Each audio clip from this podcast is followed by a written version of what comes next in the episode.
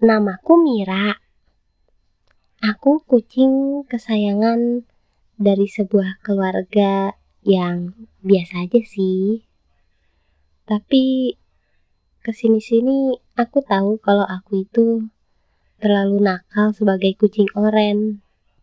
Ya, karena aku itu betina.